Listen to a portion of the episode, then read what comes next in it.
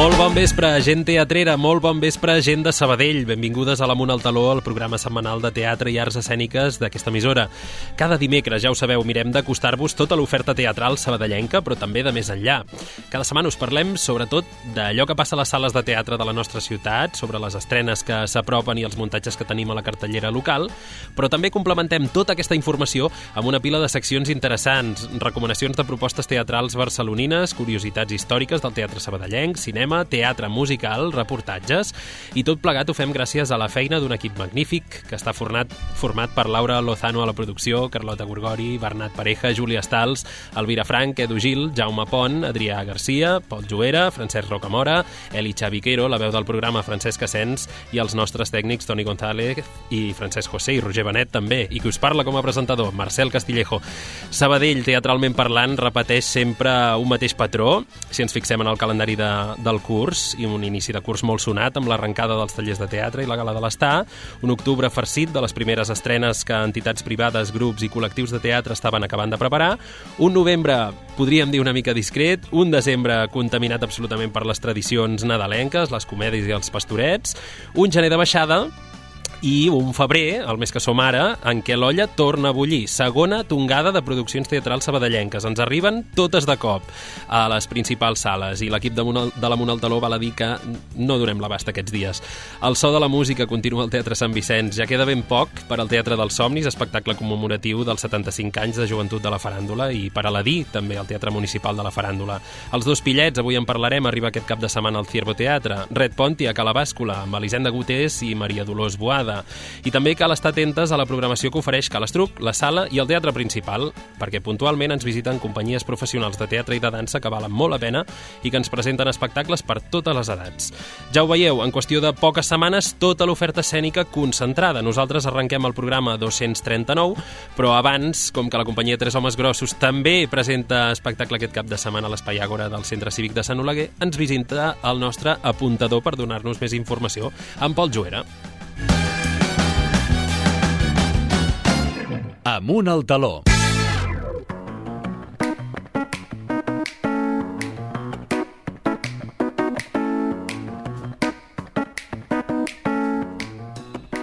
L'apuntador. Bon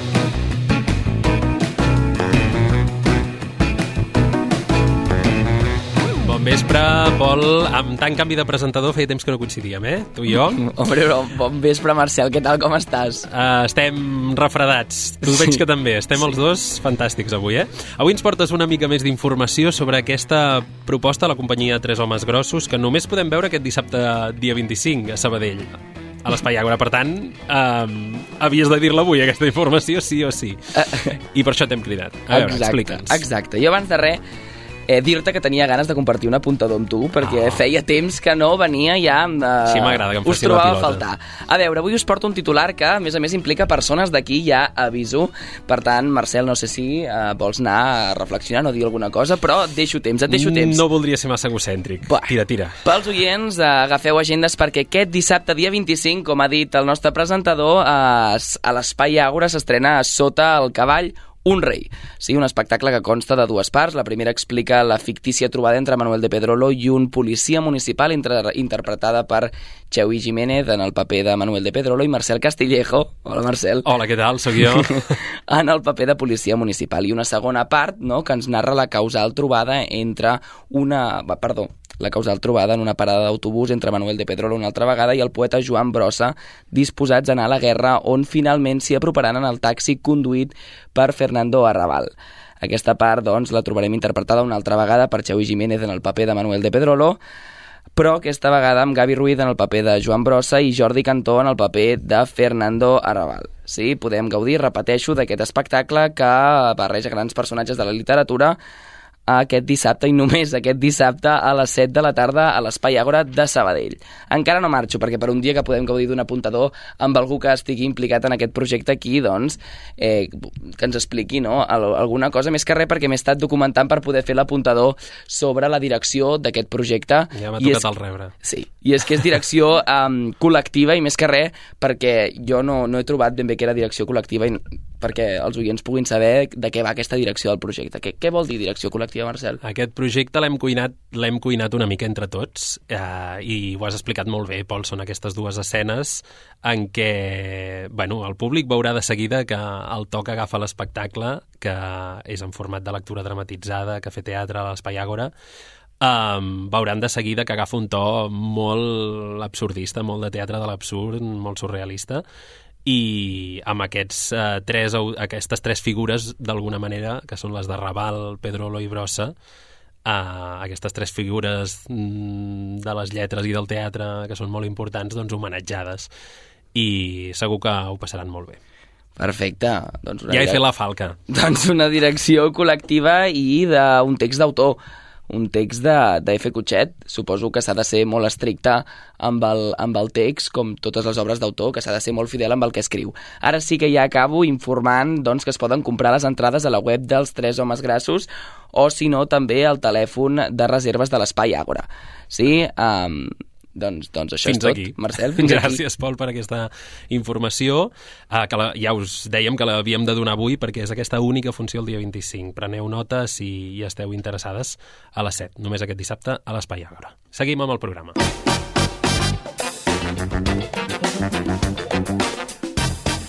Repassarem, com cada dimecres, què tenim a la cartellera teatral local per aquest cap de setmana amb la Júlia Stals. Obrim les agendes perquè haurem de notar bastantes propostes. A l'espai de l'entrevista parlarem dels dos pillets. Es tracta d'una obra que ja es va representar al Ciervo Teatre quan va néixer l'entitat, la Societat Coral Recreativa al Ciervo, ara fa 100 anys. Per tant, xerrarem amb l'equip que ha recuperat aquesta obra 100 anys després i que l'ha tornat a dur a l'escenari. Com ho han fet? De què ens parla aquesta història?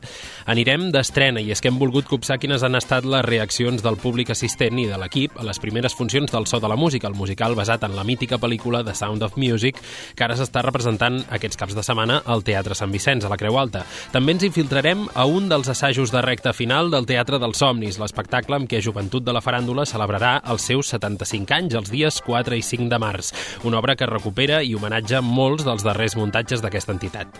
Avui toca duel de musicals, un duel de musicals una mica diferent, això vol dir que retorna a Ràdio Sabadell el Xavi Quero, avui només en en Xavi, el nostre expert en teatre musical. Aquest cop li hem demanat que ens proposi temes de musicals sobre festes, festivitats. Gresca i Xerinol, aprofitant que fa pocs dies que hem celebrat el Carnaval i que ens ha visitat el rei Carnestoltes. I finalment, per tancar el programa, amb l'Elvira Frank, la nostra teatrera experta de la cartellera de Barcelona, xerrarem sobre tres propostes que encara podem veure a la capital. Xipco, a la sala Atrium amb l'actriu Anna Güell, Clarissa, a la sala Badabadoc i Guillermota, un espectacle amb Jordi Vidal que ara s'allotja al Maldà. I ara sí, comencem. Amunt al taló. Els dimecres al vespre, Amunt al taló. El teatre de la ciutat a la ràdio. La platea indiscreta. Moment de la platea indiscreta d'obrir agendes i de retenir tota l'oferta teatral local que hi ha per aquest cap de setmana. En recorda i ens enumera les propostes que podem trobar als escenaris i sales sabadellenques, la Júlia Stals. Bon vespre, Júlia. Bon vespre. Aquesta tal? setmana, doncs molt bé, perquè hi ha molta, molta oferta Ho he cultural. resumit bé, eh? Torna a bullir l'olla, no? Vull molt, però fort, eh? És que es ho concentrem tot en molt poques setmanes aquí a Sabadell. Sí, ens, sí. ens acostuma a passar. Doncs endavant, què tenim? Comencem. Comencem al Teatre Sant Vicenç, que segueix en cartell el so de la música dissabte a les 10 de la nit i diumenge a dos quarts de 12 del migdia i també a les 6 de la tarda. Hi ha aquest cap de setmana un parell d'opcions més, tres, no? Per, Sí, per anar sí. a veure aquest muntatge. Què més? A la faràndula tenen a la cartellera a teatral de Ara Mil Malkian World Tour. És a Carai. dir, un nom que costa de dir. Sí. Uh, dissabte a les 8 del vespre. Què més? Més propostes, va. Al Ciervo estrenen els dos pillets dissabte a les 9 de la nit i diumenge a les 6 de la tarda. Molt bé. Si voleu saber-ne més coses, quedeu-vos escoltant l'entrevista del programa d'avui. Alguna altra proposta? A, sí, seguim a la companyia estival que estrena un estiu que ha d'arribar dissabte i diumenge a dos quarts de 6 de la tarda. També sembla molt interessant. Què més podem veure si, estem, si ens quedem per Sabadell? A la bàscula representaran Red Pontiac aquest divendres i dissabte a les 9 de la nit i diumenge a les 6 de la tarda. Exacte, un muntatge que, si no m'equivoco, s'estrena aquest cap de setmana i encara n'hi haurà alguns més. En seguirem sí, parlant però al programa. afanyeu-vos que si no després les entrades volen, eh? I després ja no hi ha, hi ha no opcions per anar-hi. Què més? Hi ha res més? Sí, i tant, i tant, seguim molt forts aquesta setmana. A la sala interpretaran El cau dels sentits dissabte a les 11 del matí i a les 12 del migdia i a la 1 del migdia, és a dir, tres funcions en un mateix matí. Uh -huh. I també defensaran la crisi de la, de la imaginació diumenge a les 6 de la tarda. Molt bé. Més propostes encara? Sí, la companyia Carai. Tres Homes Grossos mostrarà sota el cavall un rei dissabte a les 7 de la tarda. Exacte, que n'acabem de parlar amb el Pol. A l'apuntador. Um, a l'Estruc oferiran Jueves Absurdos demà, dijous 23 de febrer, a les 9 de la nit. I també representaran Gateways dissabte a les 8 del vespre. I ja està? Per últim... Oh, un altre. Per últim, a l'Espai Àgora figuraran Teatre Breu en majúscules aquest diumenge a les 8 del vespre. Val, déu nhi eh? No sé si haurà l'audiència haurà retingut tot això, però en fi. Uh, I una d'aquestes és fake, eh? Sí. Recordem-ho. Penseu, penseu. Però les altres no, les altres són de veritat. Les altres, tot, de veritat, de veritat. Uh, en fi, uh, revela'ns per això, Júlia, quina va ser la, la proposta fake de la setmana passada. La setmana passada dèiem que la companyia Escoltats oferia el mitjà que sempre viu. Era ben fake. Un mitjà que sempre viu, aquesta ràdio sempre Aquesta ràdio, perquè va ser el Dia Mundial de la Ràdio Ah. i jo, com sempre, viu. Un petit guinyo. clar, la ràdio. Um, algun altre recordatori, Júlia? Sí, com sempre recordem que es pot trobar gran part de l'oferta cultural de la ciutat a l'aplicació Sincronitzats, disponible a iOS i Android, i a la web de Sabadell Cultura. Molt bé. Doncs gràcies. Seguirem la setmana que ve repassant la cartellera teatral de la nostra ciutat. Que Sí. vagi bé. Bona setmana. Igualment, bona setmana.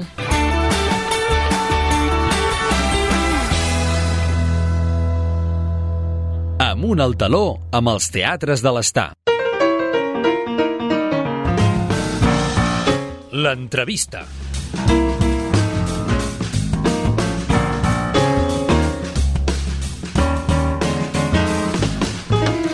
Ho dèiem a l'inici del programa Sabadell, bull d'activitat aquestes setmanes, ens arriba un segon carregament de propostes als escenaris de les principals entitats de teatre locals i una de les propostes més esperades aquesta temporada per la Societat Coral Recreativa El Ciervo, el Ciervo Teatre, sens dubte és Els dos pillets, que s'estrena aquest cap de setmana el dissabte dia 25.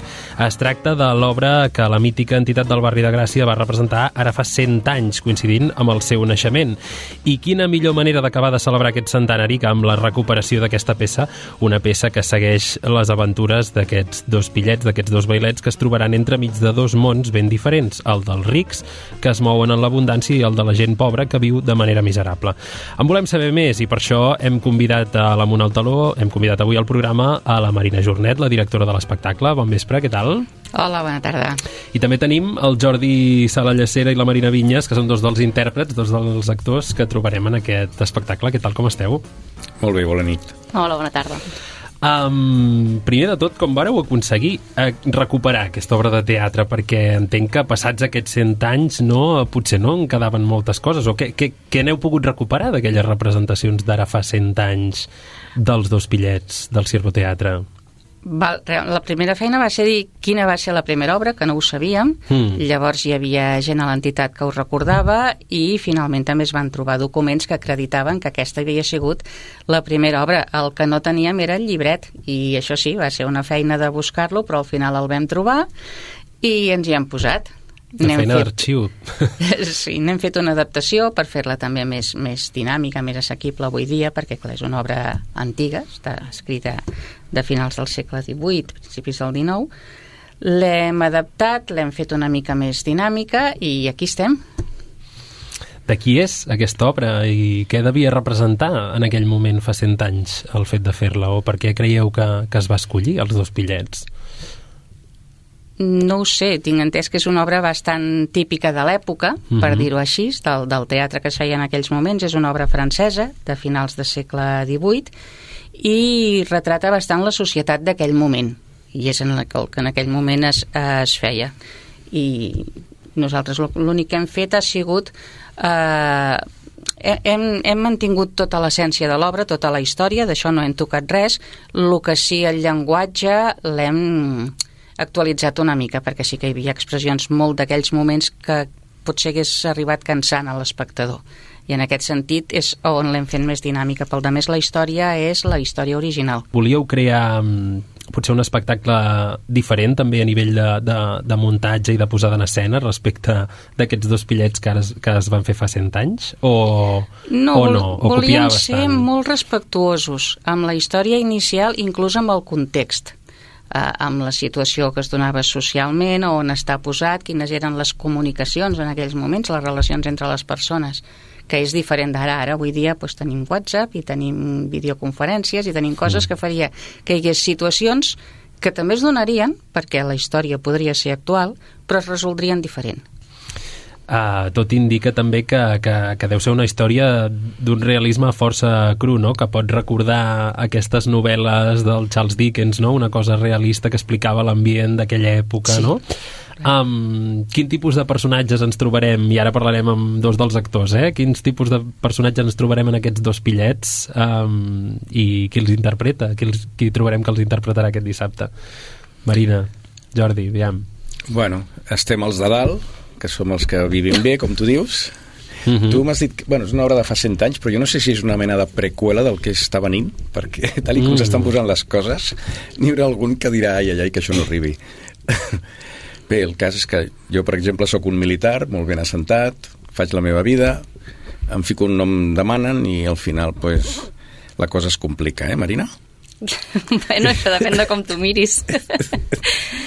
són No- visions no contraposades. no, sí. són visions contraposades, perquè si ell representa els de dalt, jo represento els de baix. Uh -huh. El que passa que, clar, dalt i baix potser ho pensem des d'un nivell socioeconòmic cultural, no? Però després hi ha altres coses que no sé fins a quin punt el bé i el mal, el bo i el dolent... Jo venint cap aquí estava donant voltes no? sobre moltes reflexions Moral. eh, dels personatges, el que poden transposar cada un d'ells Mm. i, i bueno, potser la baixesa a nivell socioeconòmic o, o la, la, la indignació de la humanitat de la, de la persona pels seus propis problemes de subsistència eh, en canvi els que són de dalt encara tenen un, una baixesa Moral, no? moral més forta Per tant, una cosa no, no té per què estar relacionada amb l'altra, exacte no? Podríem Sí. dir que moralment estem més a prop que econòmicament. Sí, o contraposats, o, Sí. o bueno, que hi ha moltes lectures. Jo crec que aquí és una obra que és complicada, també per l'espectador, eh? perquè d'entrada eh, seguir la trama al principi pot costar i, i hi ha moltes subtrames que si es volen es poden anar desgranant des de l'espectador. Mm. Mm -hmm. I aquests dos personatges vostres, Jordi i Marina, com, com entraran en la vida de, si es pot explicar, eh, per sobre, en la vida d'aquests dos personatges protagonistes que anirem seguint, d'aquests dos pillets? Bueno, uh, a veure, diria que jo sóc un militar que remena la cua no toca, per dir-ho així eh, amablement, Sí. i la cosa es complica ràpidament, hi ha, un, hi ha una sèrie de... És una mena de vodevil, és a dir, tothom arriba quan menys toca, i Ho he dit aleshores... dramàtic. Sí, sí, sí. I, bueno, sí que és veritat que hi ha una certa moral, perquè es va veient com els que estan a baix són molt, molt, molt ràpidament perseguits i a dalt els cops no, no arriben fàcilment, no? Mm -hmm. Tot i que, com deia la Marina, estem moralment, no és que siguem gaire diferents, o, o inclús els de dalt, som els dolents. L'altre dia un dels actors que en parlàvem d'això ho deia molt bé, diu aquí es demostra que la maldat no té classe social. Mm. Sí, És a així. tot arreu hi ha de tot i, i la maldat realment tant pot ser d'una banda com de l'altra. Mm -hmm. I s'ha de saber detectar amb qui tractes, no? Amb qui tens tractes, de vegades. Um, uh, per tant, entenc que hi ha aquesta parella protagonista que són aquests dos pillets. Um, com, com seran? O quin tarannà tindrà un i quin tarannà tindrà l'altre? Es complementen aquests dos pillets? Um, es posen en problemes? Aquests dos pillets són dos nens que estan en un món que realment només es tenen l'un a l'altre, no tenen ningú que, que els estimi o que els faci sentir estimats i donar-los carinyo. I realment només es tenen l'un a l'altre i faran el que calgui per, per ajudar-se i per tirar endavant junts i escapar una mica d'aquest món que els té que ells no els hi agrada, no ho voldrien, evidentment.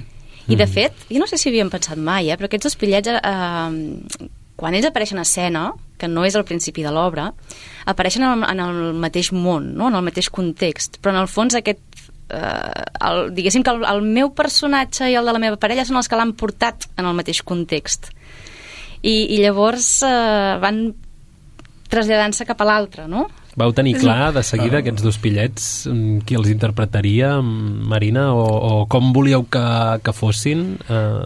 La veritat és que no. Sí, sóc sincera, no? I estic molt contenta al final de la tria. Sí. Però al Ciervo tenim un grup de juvenils i són dos pillets, per tant jo pensava en agafar dos nois del grup de juvenils i bueno, sí que n'hi ha que evidentment haguessin pogut fer el paper perfectament però clar, tu hi vas i els veus i tots són torres, creixen molt els nens d'avui dia i no donaven realment per fer el paper de, de nens de 11, entre 11 i 13 anys que són els pillets de l'obra realment no donaven i hi ha dues noies que ho fan molt bé i que al final són dues noies les que fan de, de pillets que són germanes, a més a més. Uh Mhm. -huh. I estic molt contenta de la tria. La veritat és que ho treuen molt bé i els, sí que els hi ha sigut un esforç afegit els moviments com un nen, que hi havia moments que deies, home, quan, quan seus o quan t'aixeques o quan saltes o quan us agafeu, doncs tenir més gestos de nen. I aquí hi ha hagut un treball extra que l'han fet molt bé. Com ha estat el procés d'assajos també? Com, han, com ha anat el fet de tornar a muntar l'obra? Amb quines dificultats us heu trobat o amb quines complicacions no? després d'aquests 100 anys? O potser també avantatges, no? de, perquè en 100 anys també hem canviat moltes coses i moltes coses són molt més fàcils. Hmm. Jo crec que en aquest cas la, la complexitat de l'obra és que eh, hi ha diferents canvis d'escenes, no? I, I és una obra de, de fa 100 anys i que per molt que s'ha actualitzat o s'ha intentat adaptar una mica, se segueix aquesta rigorositat. Aleshores, aquests canvis d'escenes a dia d'avui poden ser farragosos. I els assajos hem anat assajant molt per escenes i fins fa tot just dues setmanes no l'havem fet tot, tota sencera i ha sigut quan, quan hem dit, ostres, doncs, doncs ara sí que, que la feina que s'ha fet, que s'han treballat molt bé les escenes i, i llavors es va dedicar un dia no, a fer aquests, aquests traspassos d'una a l'altra, um, hem pogut veure que, que el fruit sí que és el... Bueno, que serà un bon fruit, vaja. Mm -hmm. També a nivell de llenguatge, eh, per exemple, doncs, vam tenir una discussió sobre si els personatges havien de parlar de vos o de vostè, Sí. o, o, o segons quines paraules surten, eh, doncs els actors joves no en tenien res i vam decidir fer un mix. Eh? Vam com suavitzar una mica el llenguatge més, no fer-lo massa culte, sense mm. tampoc perdre el regust aquest antic. Clar, el llenguatge i les reaccions també, no? Perquè per molt que puguin ser temàtiques que avui en dia, és que poden passar avui en dia, la reacció que pot tenir la, la persona avui en dia seria molt diferent. Llavors això a vegades amb, amb, amb algunes persones a l'hora d'interpretar doncs, doncs ha sigut també una feina de dir no, és que si, si volem seguir una mica aquesta rigorositat malgrat adaptar-la temporalment um, clar, és una acceptar que les reaccions eren diferents també teatralment, no? Bueno, jo crec que ha sigut una tasca interessant per tots plegats, eh? És que l'hem- adaptat i l'hem apropat i li han tret certa rigorositat, és veritat, eh, cert encarcarament, potser, mm. però està situada en els anys 20, perquè ja et dic, el que sí s'ha respectat és tot l'entorn, és a dir, el fet de França haver-hi unes colònies, perquè això afecta en les, les relacions entre els, els personatges, el fet de que, que algú se'n vagi lluny de viatge vol dir que tardaràs molt a tenir-ne comunicacions, que és el que et deia, això avui dia no passa. Llavors, clar, tot això s'ha mantingut. I sí que hi ha moments als més joves que, que hi havia coses que els hi sobtaven i havies d'explicar una mica de dir, no, és que les coses eren així. Um, I quin missatge o quins missatges creieu que es desprenen de- d'aquesta obra? O quin, quins creieu que es podrien desprendre en aquell moment, no? fa 100 anys quan es va representar el Ciervo per primera vegada, i ara com ens la mirem amb ulls de 2023, no? Uh, uh, creieu que va per aquí, pel que comentàvem abans, del tema de les diferències socials, no? Aquestes... És, un, és una obra que potser les vol denunciar uh, i que encara existeixen ara avui dia. Jo crec que dalt de l'escenari es posen moltes trames i subtrames perquè a part de les diferències socials també hi ha el, els rols de gènere, bueno, de gènere o la violència de gènere una mica, la, el poder d'un sobre l'altre Mm. i la manipulació a vegades i no sé, que el, Sí, sí, no, no, es, es, eh, queda molt clar això, la, la dominació dins de la parella, el, el que mana i la, i la que obeeix, eh, això La queda allà... Sí, això queda, queda molt palès. Hi ha moltes coses, a part, a part de classes, doncs el comportament, i que també el que pot ser el comportament dins de casa, i el que els altres poden percebre des de fora la importància el que diran aquí també pren molta importància mm. dic, si la gent sap això aquí el que pot passar ja sí, hi ha moltes cosetes que, que van fent això, moltes subtrames, com deia la Marina.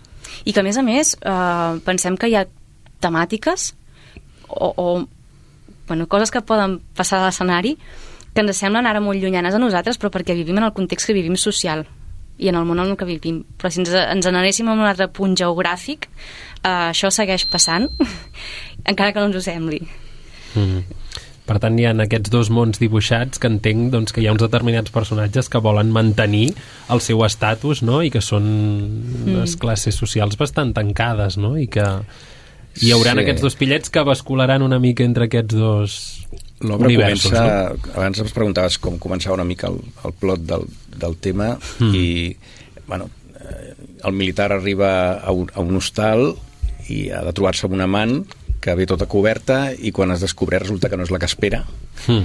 i aquí ja tenim la primera sorpresa i, i bueno, a partir d'aquí es fa un salt de 7 anys i tot, tot ha evolucionat al principi discutíem si seria una mica difícil de seguir per l'espectador però bueno, és bastant llarga i dona temps d'anar recuperant el fil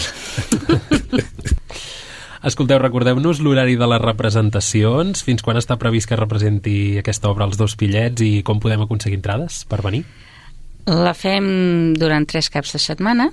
Uh -huh. Comencem aquest dissabte, és l'estrena, el dia 25 al, al vespre a les 9, que avancem l'hora, ara aquestes funcions les farem a les 9.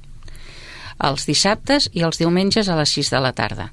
Eh, aconseguir entrades a tots els cartells i d'allò hi ha un, un WhatsApp de, de reserves. Diguem el número, Marina, digues. Per WhatsApp el 627 76 91 65 ja ho sabeu, radioients, els dos pillets, una proposta que ja va portar-se a l'escenari fa 100 anys i que ara la gent del Ciervo Teatre recupera per retre homenatge al llarg recorregut que té aquesta entitat. Una obra que arrenca aquest dissabte, dia 25 de febrer, i que no us podeu perdre. Uh, gràcies per venir, gràcies per venir al programa, Marina Jornet, directora, Jordi Salallacera i Marina Vinyes, moltes gràcies, molta sort i molta merda per l'estrena d'aquest cap de setmana. Que vagi bé. Els dimecres al vespre, amunt al taló. A Ràdio Sabadell.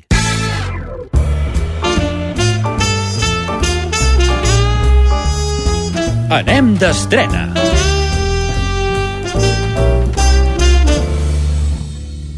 Avui estem d'estrena al Teatre Sant Vicenç, amb l'obra El so de la música, una de les grans apostes de la temporada del Sant Vicenç d'aquest any.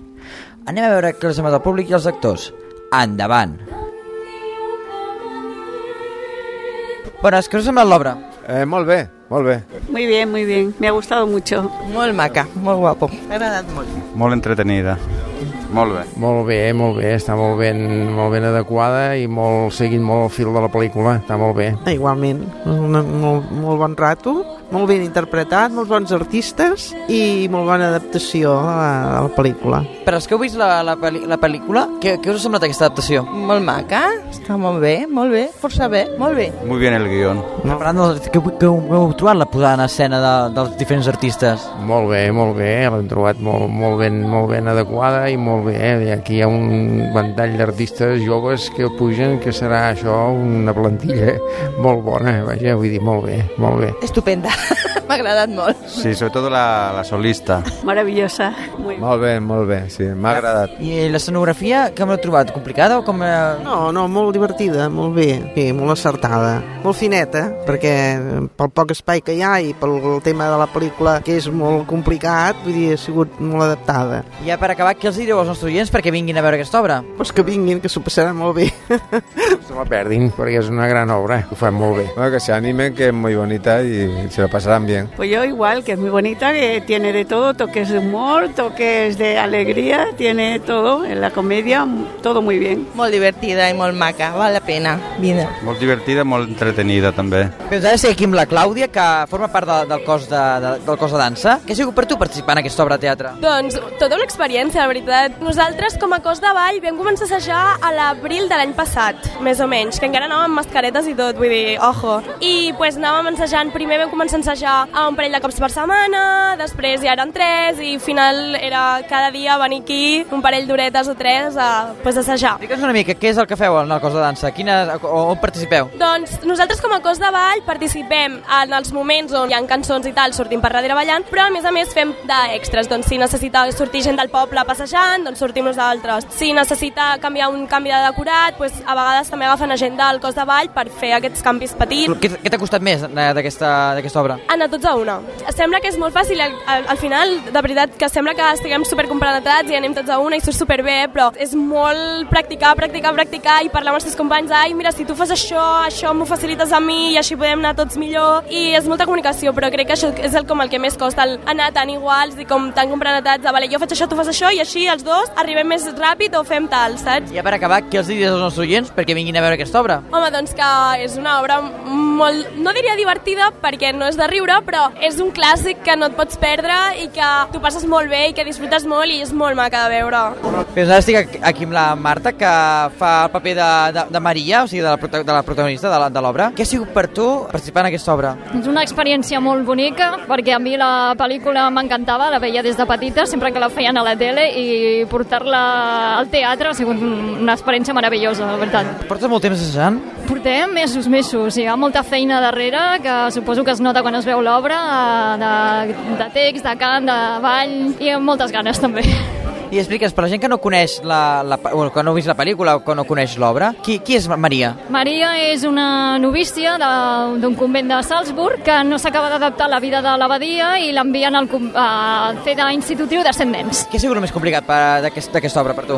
Doncs per mi fer-ho tot junt, no? Cantar, ballar, el text, tot, canvis de vestuari molt ràpid, bueno, per sort hi ha molta gent que ajuda i tot s'aconsegueix. Perquè veig que, que, que tens molts solos, no?, durant, durant l'obra. Com els has afrontat, aquests, aquestes cançons? Doncs amb l'ajuda de les profes de cant, que en tenim tres molt bones, i després a casa m'ha aixecat molt també. I ja, ja per acabar, què els diries als nostres oients perquè vinguin a veure aquesta obra? Que han de venir perquè s'ho passaran molt bé, eh, ballaran, cantaran, se n'aniran a casa amb les cançons al cap segur. Bé, ara estic aquí amb la Iris, que ha estat també dirigint, bueno, amb, amb diverses persones més, eh, la part de, de cant. Que, Explica'ns una mica, què heu estat fent? Sí, i ens vam repartir, hi ha moltes cançons en aquesta obra, és molt musical. Llavors, la Gemma i la Montserrat van dirigir tota la part dels nens, perquè tenen moltes cançons, i jo tota la part dels adults. En total eren unes 12 cançons, o sigui que jo vaig fer 6 i elles les altres 6. Quins han sigut els reptes que has hagut d'afrontar? Per part meva, la creació de veus i coros, perquè, bueno, sé que hi havia unes partitures d'una obra que, de, bueno, de l'obra que vam fer anteriorment, però jo no les vaig arribar a utilitzar perquè no eren ben bé, no coincidien amb el que tenim de base musical. Llavors, eh, l'Antoni em va demanar, mira, aquí podria haver uns coristes, tal, i en algunes cançons cantem a veus, i llavors vaig com intentar crear aquestes veus, també triar cançons que no estan dintre del repertori, també vaig haver de buscar cançons. Hi ha un parell de cançons que vaig eh, posar jo perquè no existien, sí. I de totes les cançons, per tu, quina creus que ha sigut la més complicada per tu? El Puja Muntanyes. Sí, la última de totes, que és molt aguda. En realitat, l'original era més llarga, vam haver de retallar-ho perquè era complicada i al final fem una versió més reduïda. El Xesquiten ha fet uns arreglos fantàstics i ens ha ajudat moltíssim en aquest sentit. Ja per acabar, què els diries als nostres oients perquè vinguin a veure aquesta obra? Que s'ho passaran molt bé, que si tant són adults com si són nens, eh, disfrutaran molt perquè, bueno, dels grans tothom coneix aquesta pel·lícula. La, bueno, tothom ha vist la pel·lícula, segur, amb la Julie Andrews i tothom... Jo la veia quan era petit, tenia 3 anys i la veia, veus? Per això, per això, que tothom coneix les cançons i els nens també s'ho passen molt bé perquè és una obra, obra familiar.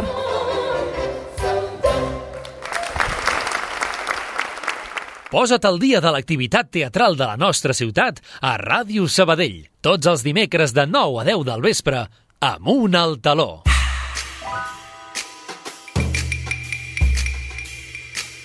Infiltrats.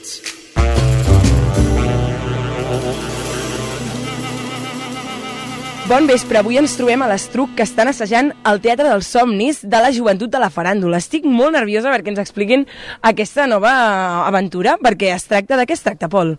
Es tracta, ja ho avancem, d'un memorial o un remember d'aquests últims 75 anys de la joventut de la faràndula. És una celebració d'aniversari que té bona pinta, de moment pel que ens ha arribat. Ens infiltrem i veiem què o què? Veiem què, veiem què. Primer comencem parlant amb l'Arnau Solsona i l'Albert González, directors del Teatre dels Somnis. Com estan en aquesta experiència? Doncs ara mateix està sent molt intensa perquè és un muntatge on hi surten 130 persones, l'hem muntat eh, en poc temps perquè havia de passar pastorets per després posar-nos-hi perquè hi ha mitja entitat involucrada i hi ha ganes però clar, ho estem ajustant tot, queden res, molts pocs dies i ara hi ha nervis però bueno, també ganes d'entrar al teatre.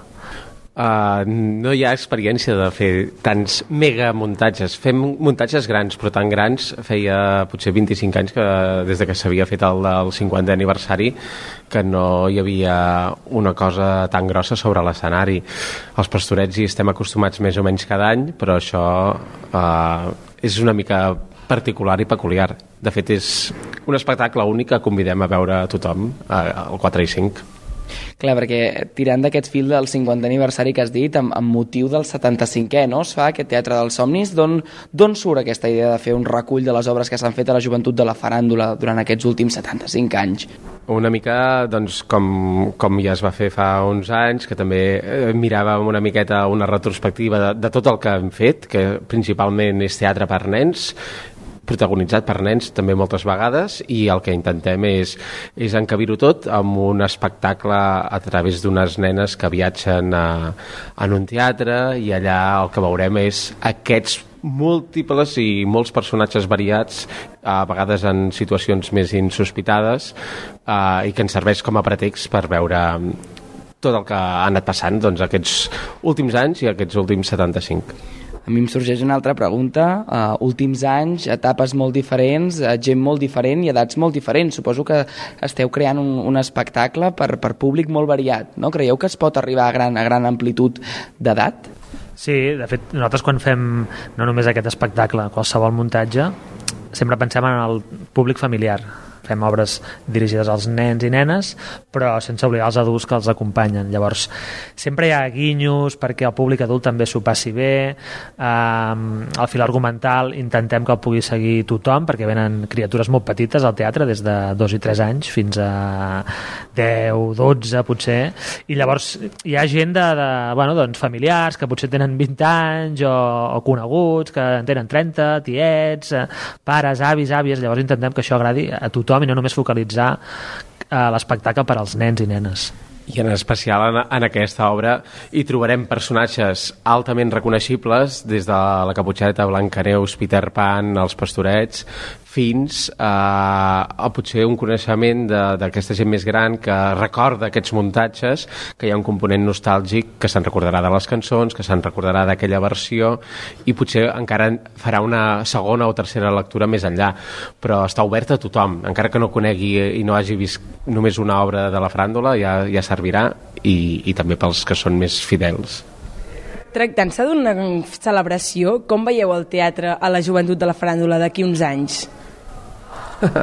um, esperem que, que segueixi havent-hi aquest públic que estem fidelitzant els últims anys. Um, és molt difícil omplir el teatre a la faràndula perquè hi ha moltes localitats i, i esperem que el públic no ens abandoni. Seguirem intentant uh, fer espectacles amb el màxim rigor i qualitat possible i, i sense oblidar per això que, que tot va focalitzat a, als nens i nenes però mantenint l'essència que ens ha caracteritzat els últims anys seguim infiltrats per aquí a l'Estruc perquè encara no han arribat al teatre i res, ens trobem aquí unes nenes a la sala 3 de l'Estruc nervioses o no, o no esteu nervioses? Què tal, com esteu? Bé, bastant nervioses per l'estrena que queda una setmana ja i bueno, pues bastant nervioses, sí, sí. I concretament quina és la vostra tasca en, en aquest projecte? Pues fer, sí, donar-li un fil, un misteri... Bueno, no, misteri, misteri no. no. Però som com unes nenes que estem molt enganxades amb les pantalles i apareix una bruixa divertida que ens envia en un teatre perquè ens, bueno, trobem la felicitat. Això em recorda les tres bessones? Però, però, aquí, però aquí sou moltes. Més o menys quina edat teniu per posar en context de l'audiència? Sí, de primària. Oh, sí, sí, de primària. Sí. Ala, que guai. I, I què més? Ah, home, ens n'hem enterat perquè ens ha arribat sí. a la redacció de la ràdio. Què ens ha arribat, Júlia? Ens ha arribat una cançó amb algú de Flashy Ice Cream i Doctor Prats. Pot ser això? Sí. Expliqueu-nos-ho, va. Bueno, pues, Doctor Prats ens ha fet una cançó per l'obra, per al final de l'obra, i ara us cantarem un tros, no? Sí, no? Sí, sí, volem que Va, es sí, sí, volem que us canti, volem que ens canteu, va, va, va. Tres, dos, un. Vull trobar-me amb tu, amb tu. Després de tots aquests anys, descobrint les històries que ens han fet grans, vull trobar-me amb tu, amb tu. I quedar de tant en tant al teatre dels somnis, al teatre dels somnis. Fins aquí l'infiltrat d'avui. Sí, després de recollir moltes informacions sobre aquesta gala, aquesta obra, que es podrà veure repetint dates 4 i 5 de març, març. que jo sempre em confonc, de març, al Teatre La Joventut de la Faràndula. Aprofiteu que queden poques entrades. Amunt al taló, al teatre de la ciutat, a la ràdio. Amunt al taló.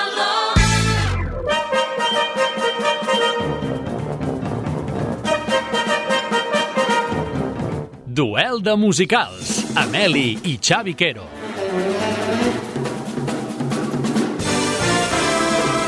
Aquesta setmana us hem preparat un duel de musicals que en realitat serà un soliloqui de musicals avui, eh?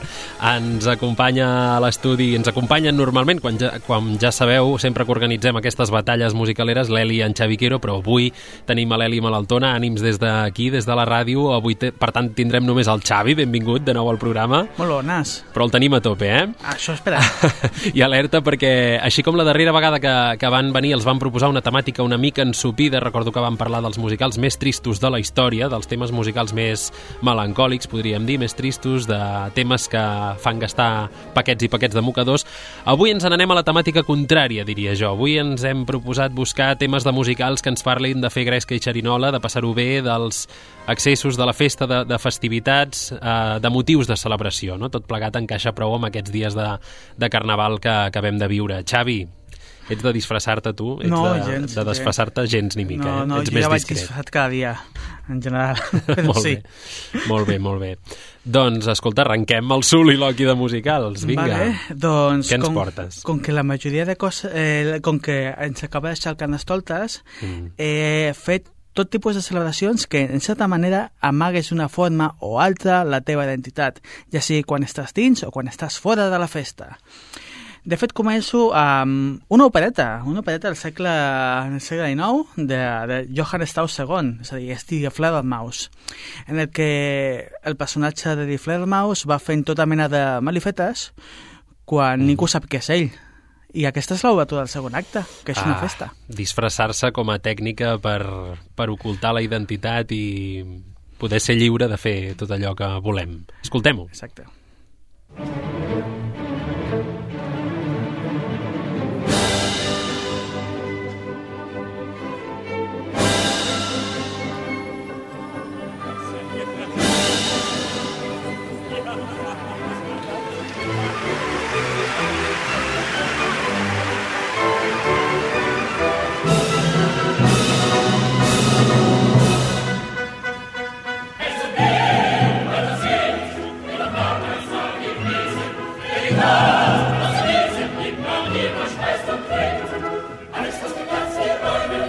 Continuem, doncs, Xavi, Continuem, més, més festivitats. Ara ben més festivitats. Més festes. Bé, doncs continuem amb, amb les balls de màscares i les mascarades, Mhm. com podria ser l'obertura del segon acte del Fantasma de l'Òpera. el Home, mas- mítica. El Masquerade. Us posem la versió del 86, la classe, que amb el Michael Crawford, la Sarah Brightman, etc. De fet, aquesta escena, a part, ja la posada d'escena i la pròpia novel·la de Gaston Leroux, és tot un homenatge a la màscara de la mort vermella de Poe. És a dir, és un meta-homenatge tot plegat. Ah, veus, això no ho sabíem. Escoltem-ho. Fellow isn't here.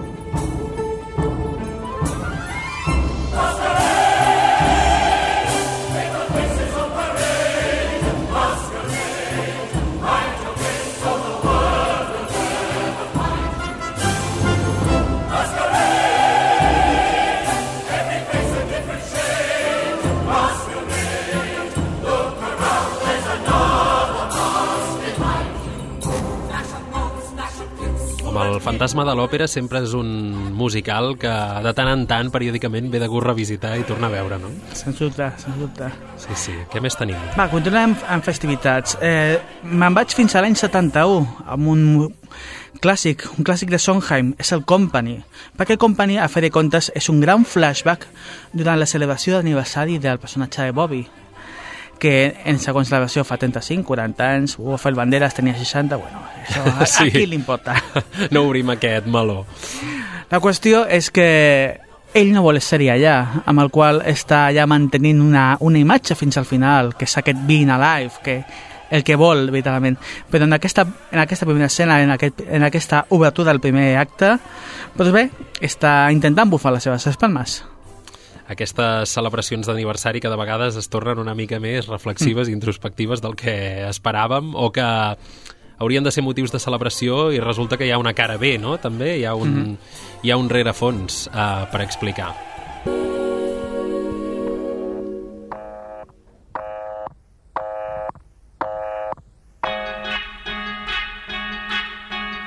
Bobby. Bobby. Bobby, baby. Bobby, Bobby. Been trying to call Bobby, you. Baby. Bobby, Bobby. Angel, I've got Robbo. Bobby, love. Bobby, honey. Bobby, we've been trying, darling. Bobby, baby. Bobby, kids were asking Bobby, there was something we wanted to say. The line was busy, Bobby. Bobby, how have you been? Stop by on your way home. Bobby. De vegades, Xavi, tot i no anar disfressats i disfressades, no? també fem, cadascú fa el seu paper a la seva vida, no? com deies tu a l'inici. Sí, i d'això ja en tard. En aquest, ah, val, val. En aquest musical també, de Company de Sondheim també passa força. Sí. Va, seguim, seguim, continuem. Bé, ara ens anem fins a l'any 26, quan es va escriure el poema de Joseph Moncure, The Wild Party, la festa salvatge. Mhm. N'hi ha dos musicals del mateix any de d'aquest eh, The Wild Party, amb dos de l'any 2000, el de Andrew Lipa i de John Lechusa. Aquest poema eh, narratiu molt extens eh, que ens mm, narrava una festa plena d'accessos també admetia a- la Chiusa en, novel·la, en entrevistes posteriors a la publicació d'aquest poema que va ser tot un escàndol perquè hi havia personatges homosexuals, alcohòlics, etc. És a dir, tot allò que no li agrada a la societat de l'època. I per això mateix se n'amagaven, excepte en aquesta gran festa en el que per una vegada podien ser lliures, sobretot en el cas de Queenie, que era la reina de l'accés. A veure com sona. And the gang took wing, and the shadows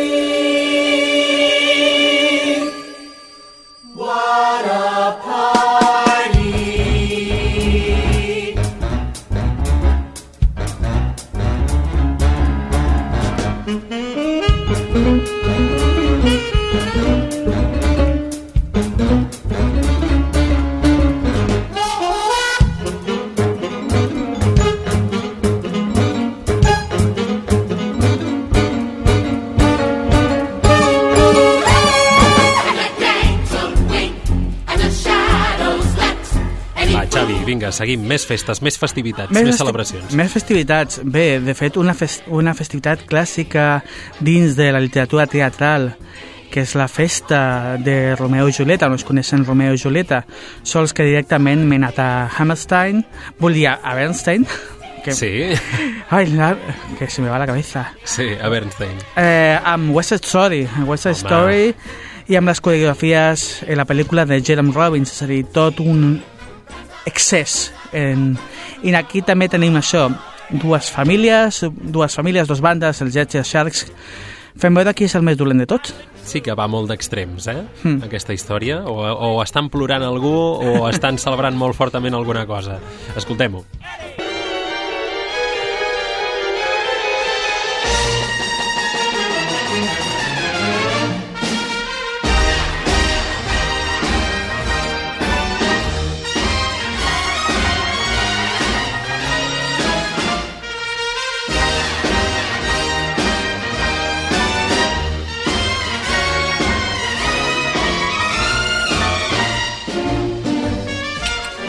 Seguim, seguim. Ui, ara venien els...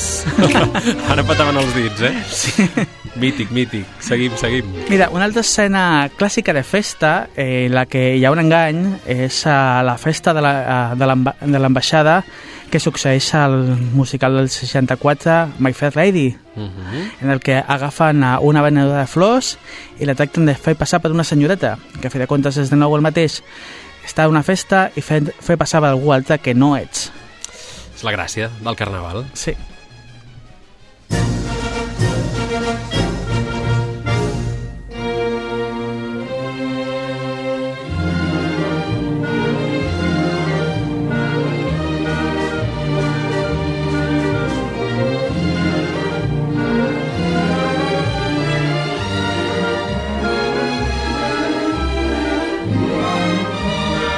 Història que ens porta al Pigmalió, evidentment. Exacte, no? de, de show.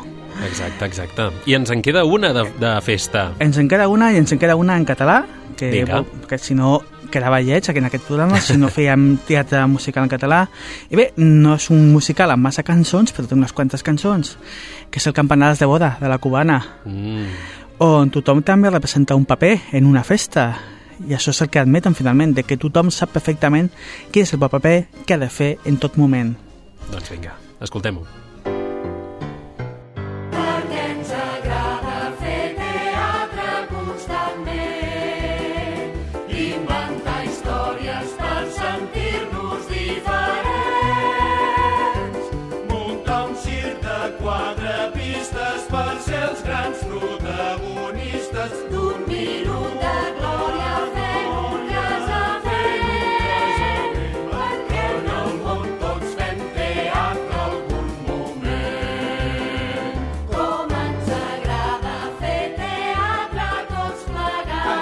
Val a dir que aquests personatges que crea la cubana sí que estan basats eh, una mica amb els personatges quotidians que ens envolten i que tenim i que veiem pel carrer, no? però que són personatges. Són eh? personatges i que normalment... Personatges construïts, oi? Sí, i que, tot i que podem reconèixer-los, mai ens reconeixem a nosaltres. Ah, Curiosament, sí. eh? també, també. Bé, Xavi, hem quedat ben empatxats eh, de tanta festa, de tanta celebració, però de duels de musicals encara no n'hem tingut prou, així que ens visiteu amb l'Eli, tots dos, la propera vegada, de seguida que pugueu, torneu aquí a l'estudi i fem una nova selecció de temes. Bon Gràcies. vespre i fins la propera, que vagi bé. Un record del teu paper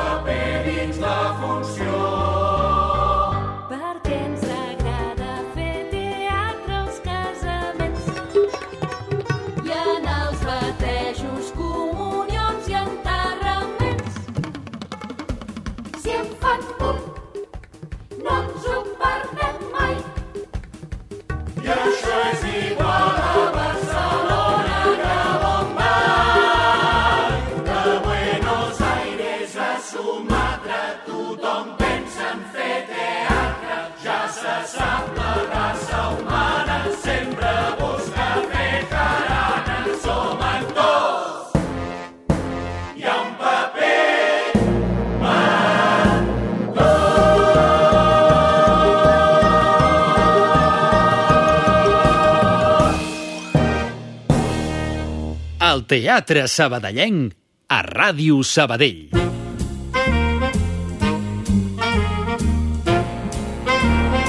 Teatre de Franc.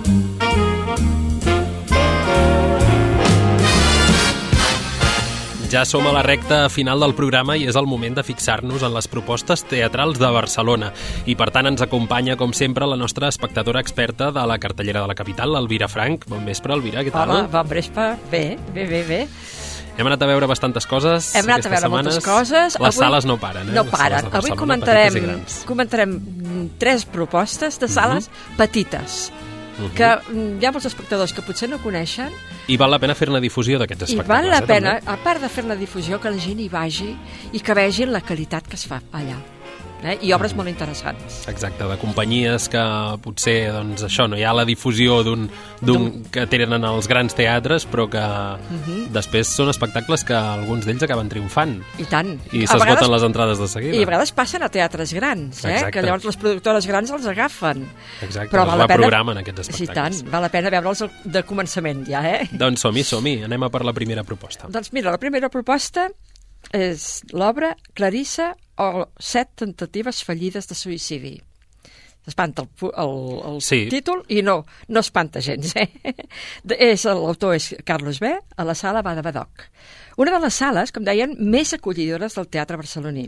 En aquesta ocasió, com ens ha passat moltes vegades, també ens hem sentit acollides, integrades en l'obra que ens han presentat. Una proposta directa, vital, que transmet un argument però amb humor, eh? Que en alguns moments ens sentim identificades. L'obra ha estat seleccionada entre moltes de les que es van presentar a la convocatòria de textos teatrals organitzat per l'associació On el Teatre Batega, que és un grup de 10 sales de teatre de proximitat de Barcelona que els uneix les ganes de promoure el teatre contemporani. Amb aquest objectiu van crear aquest aplec, diguem-ne, de nous textos teatrals i estimular-ne la creació, tot afavorint la promoció representant-los a les seves sales. Clarissa és un esplèndid monòleg interpretat magníficament per Clara Garcés i dirigit per Lali Álvarez, una directora i dramaturga que el 2015 va dirigir Ragazzo, una de les obres que vam parlar en el programa i que recentment s'ha tornat a representar al Teatre Vill- Villarroel amb molt d'èxit. Mhm. Clarissa és una dona que davant les dificultats serioses, les pors que aquestes poden proporcionar, reacciona buscant sortides més o menys assequibles. Una de les sortides és intentant suïcidar-se. Eh? Però res no és fàcil. I totes les seves tentatives van fracassant una darrere l'altra. Els intents de suïcidi també van fracassant. D'això, d'ella, ella en treu una conclusió. Un text amb un fons força dramàtic que parla de la salut mental, d'Alzheimer, dels geriàtrics, dels fracàs, dels amors perduts i potser també de venidors. Però ho presenta amb tant d'humor i amb molta esperança. Clarissa és una dona valenta, determinada, amb empenta, que res l'atura i aconsegueix acceptar les derrotes com experiències beneficioses.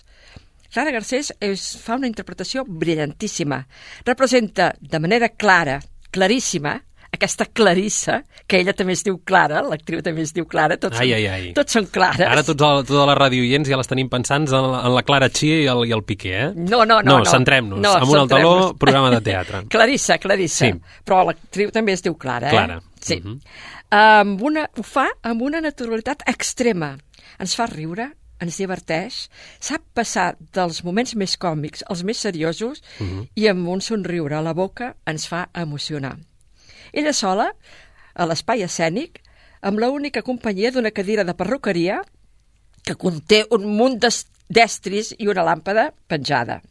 També l'espai sonor, la il·luminació i els petits tocs filmats que van situant les diferents escenes fan que l'espectacle es converteixi en una delícia. Tant sigui en interpretació, posada en escena, direcció i text. Un cant a la vida, que anima a viure cada moment i cada dia amb alegria i coratge. La vida és l'única cosa que tenim i l'hem de gaudir. Aquesta és la conclusió. Eh? Un espectacle, de, com he dit, de petit format, en una sala petita, però d'una gran sublimitat. Es podrà veure fins al 27 de març. Doncs anotem aquesta proposta, Clarissa, a la sala Badabadoc, i anem a per la segona. Anem per la segona. Chipco, a la sala Atrium. Una producció de Cuca Cuars, escrita per dues components del grup, la sabadellenca Anna Güell, que també hi col·labora com a actriu, i Daniela Freixas, que és la directora del muntatge. Uh -huh. L'obra exposa la necessitat de conservar la nostra natura. Ara que hem patit un gravíssim terratrèmol i que hi ha inundacions i molta sequera produïdes pel conegut canvi climàtic, ara és justament quan hem de preservar aquest món. Tot protegint la natura, ja que la natura influeix directament a proporcionar aquest equilibri necessari per establir l'harmo- l'harmonia que els humans necessitem. Per desgràcia, no l'estem cuidant gaire, eh, la natura, i l'anem destruint. Un tema molt interessant que s'ha tractat molt poc en el teatre i que generalment tampoc se'n parla gaire. No, segons com no interessa parlar-ne, eh? La tala massiva d'arbres, els incendis provocats, el progrés i l'especulació que ho destrueix tot, perjudica vivament el nostre dia a dia i a la llarga pot provocar greus conseqüències a les generacions futures. La companyia teatral ho explica amb textos de conegudes dones de tot el món que han lluitat per la idea de preservar la natura. Dones que han exposat la seva vida i algunes inclús l'han perdut.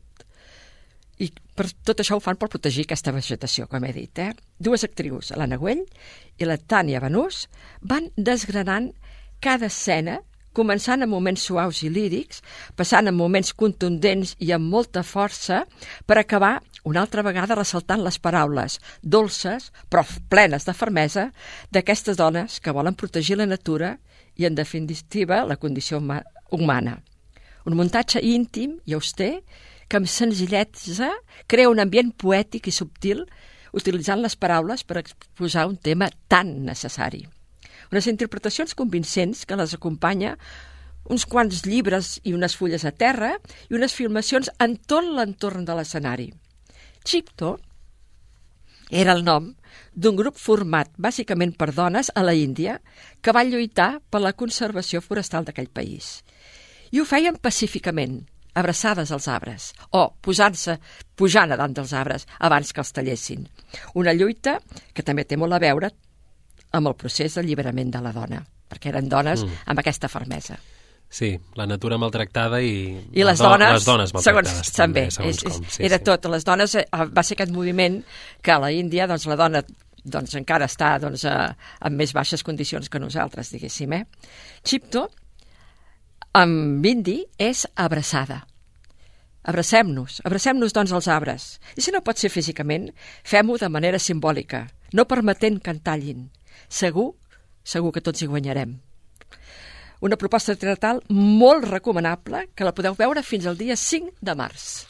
Anotem aquest títol, Xipco, amb Quarts Teatre, a més a més amb l'Anna Güell Sabadellenca. Sí. I té- ara eh, passem Canviem. A, mm, canviem de registre i ens n'anem cap a Guillermota. Guillermota, exacte. Un matinal, que només el fan els matins a la Sala Maldà.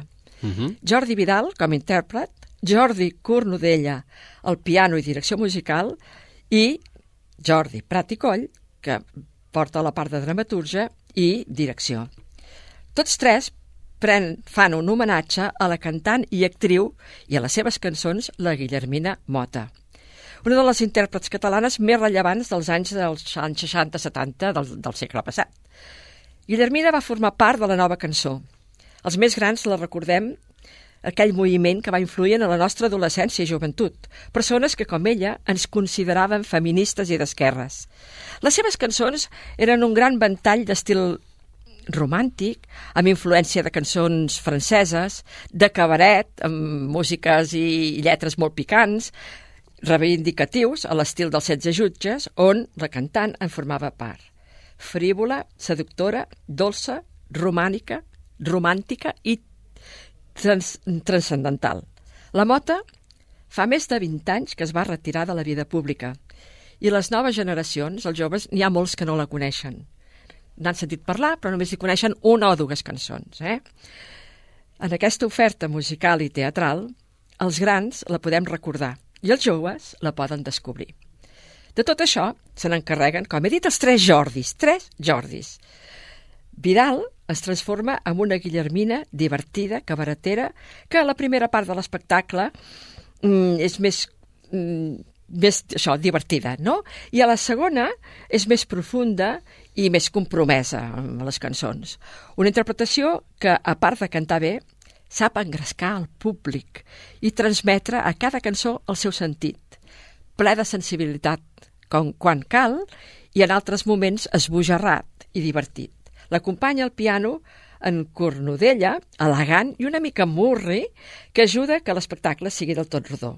Amb vestuari de Míriam Comte i la caracterització, caracterització d'una altra sabadellenca, la Núria Llunell, Uh -huh. que mm, moltes vegades en Jordi Prat i Coll mm, busca la Núria per les seves caracteritzacions, eh? Uh -huh.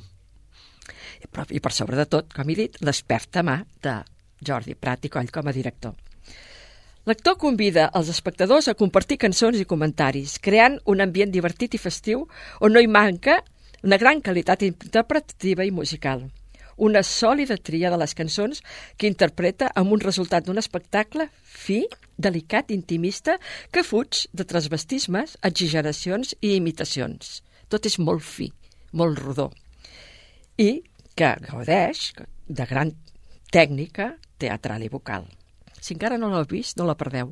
És una oferta que ja va tenir molts premis quan la van estrenar, premi al, al Teatre Barcelona com a millor musical de proximitat i el millor interpretació musical del Jordi Vidal i també el Premi de la Crítica 2021 com a millor actor musical. Aquesta la podreu veure cada diumenge al matí fins al 12 de març. Per tant, una, una gran, un gran homenatge a una gran figura, podríem dir, també, perquè Sí, sí, sí. ah, la Guillermina Mota, déu nhi i els seus temes. Sí, molt. Doncs, Elvira, gràcies per aquests tres comentaris d'avui en aquestes tres sales. Eh? Teni, hem tingut Maldà, Badabadoc i Atrium, Sí. tres espais, podríem dir, no tant dintre del circuit mainstream de les sales de Barcelona, que també està bé parlar-ne. És el que dèiem, són sales petites però que parlar-ne i que s'hi vagi perquè són unes grans ofertes, eh? I tant. I dimecres que ve seguirem parlant i recomanant propostes que podem veure a les sales de Barcelona. Això mateix. Capital. Que vagi bé. Vinga, adéu-siau, adéu-siau. Posa't al dia de l'activitat teatral de la nostra ciutat a Ràdio Sabadell. Tots els dimecres de 9 a 10 del vespre, amunt al taló.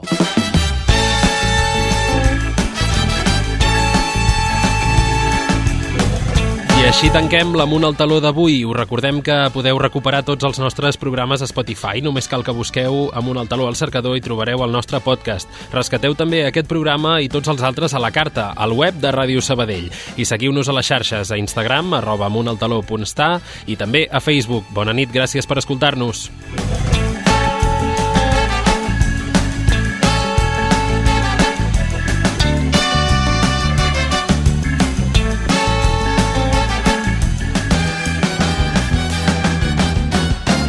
Amunt al taló.